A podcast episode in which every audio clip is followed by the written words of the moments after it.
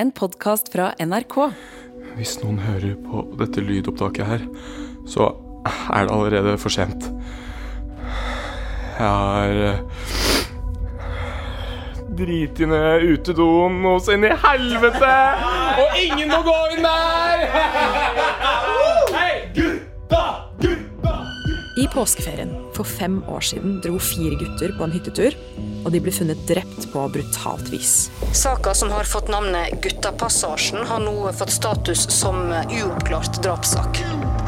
Politiets teori var at det hadde oppstått en konflikt, og at gutta tok livet av hverandre. Jeg heter Klara Sæter, og jeg gikk i klasse med disse gutta på videregående. Jeg kjente dem, og den teorien om at de skal ha drept hverandre, den, den gir ikke mening for meg. Disse gutta var bestevenner.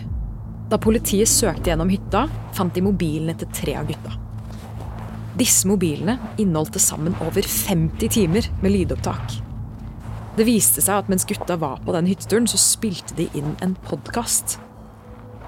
Og nå har jeg endelig fått tilgang til disse lydklippene. Jeg skal lytte meg gjennom for å finne ut av hva som skjedde på turen.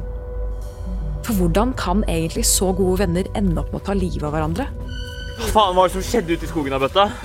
Hæ? Ikke noe! Eller får jeg prate om noe dritt, bare, og så Nå skru av de jævla opptakene! Vi må gjemme oss. Nå, vi må gjemme oss. Spring, spring, spring. Kom igjen! Guttapassasjen kommer i appen NRK Radio.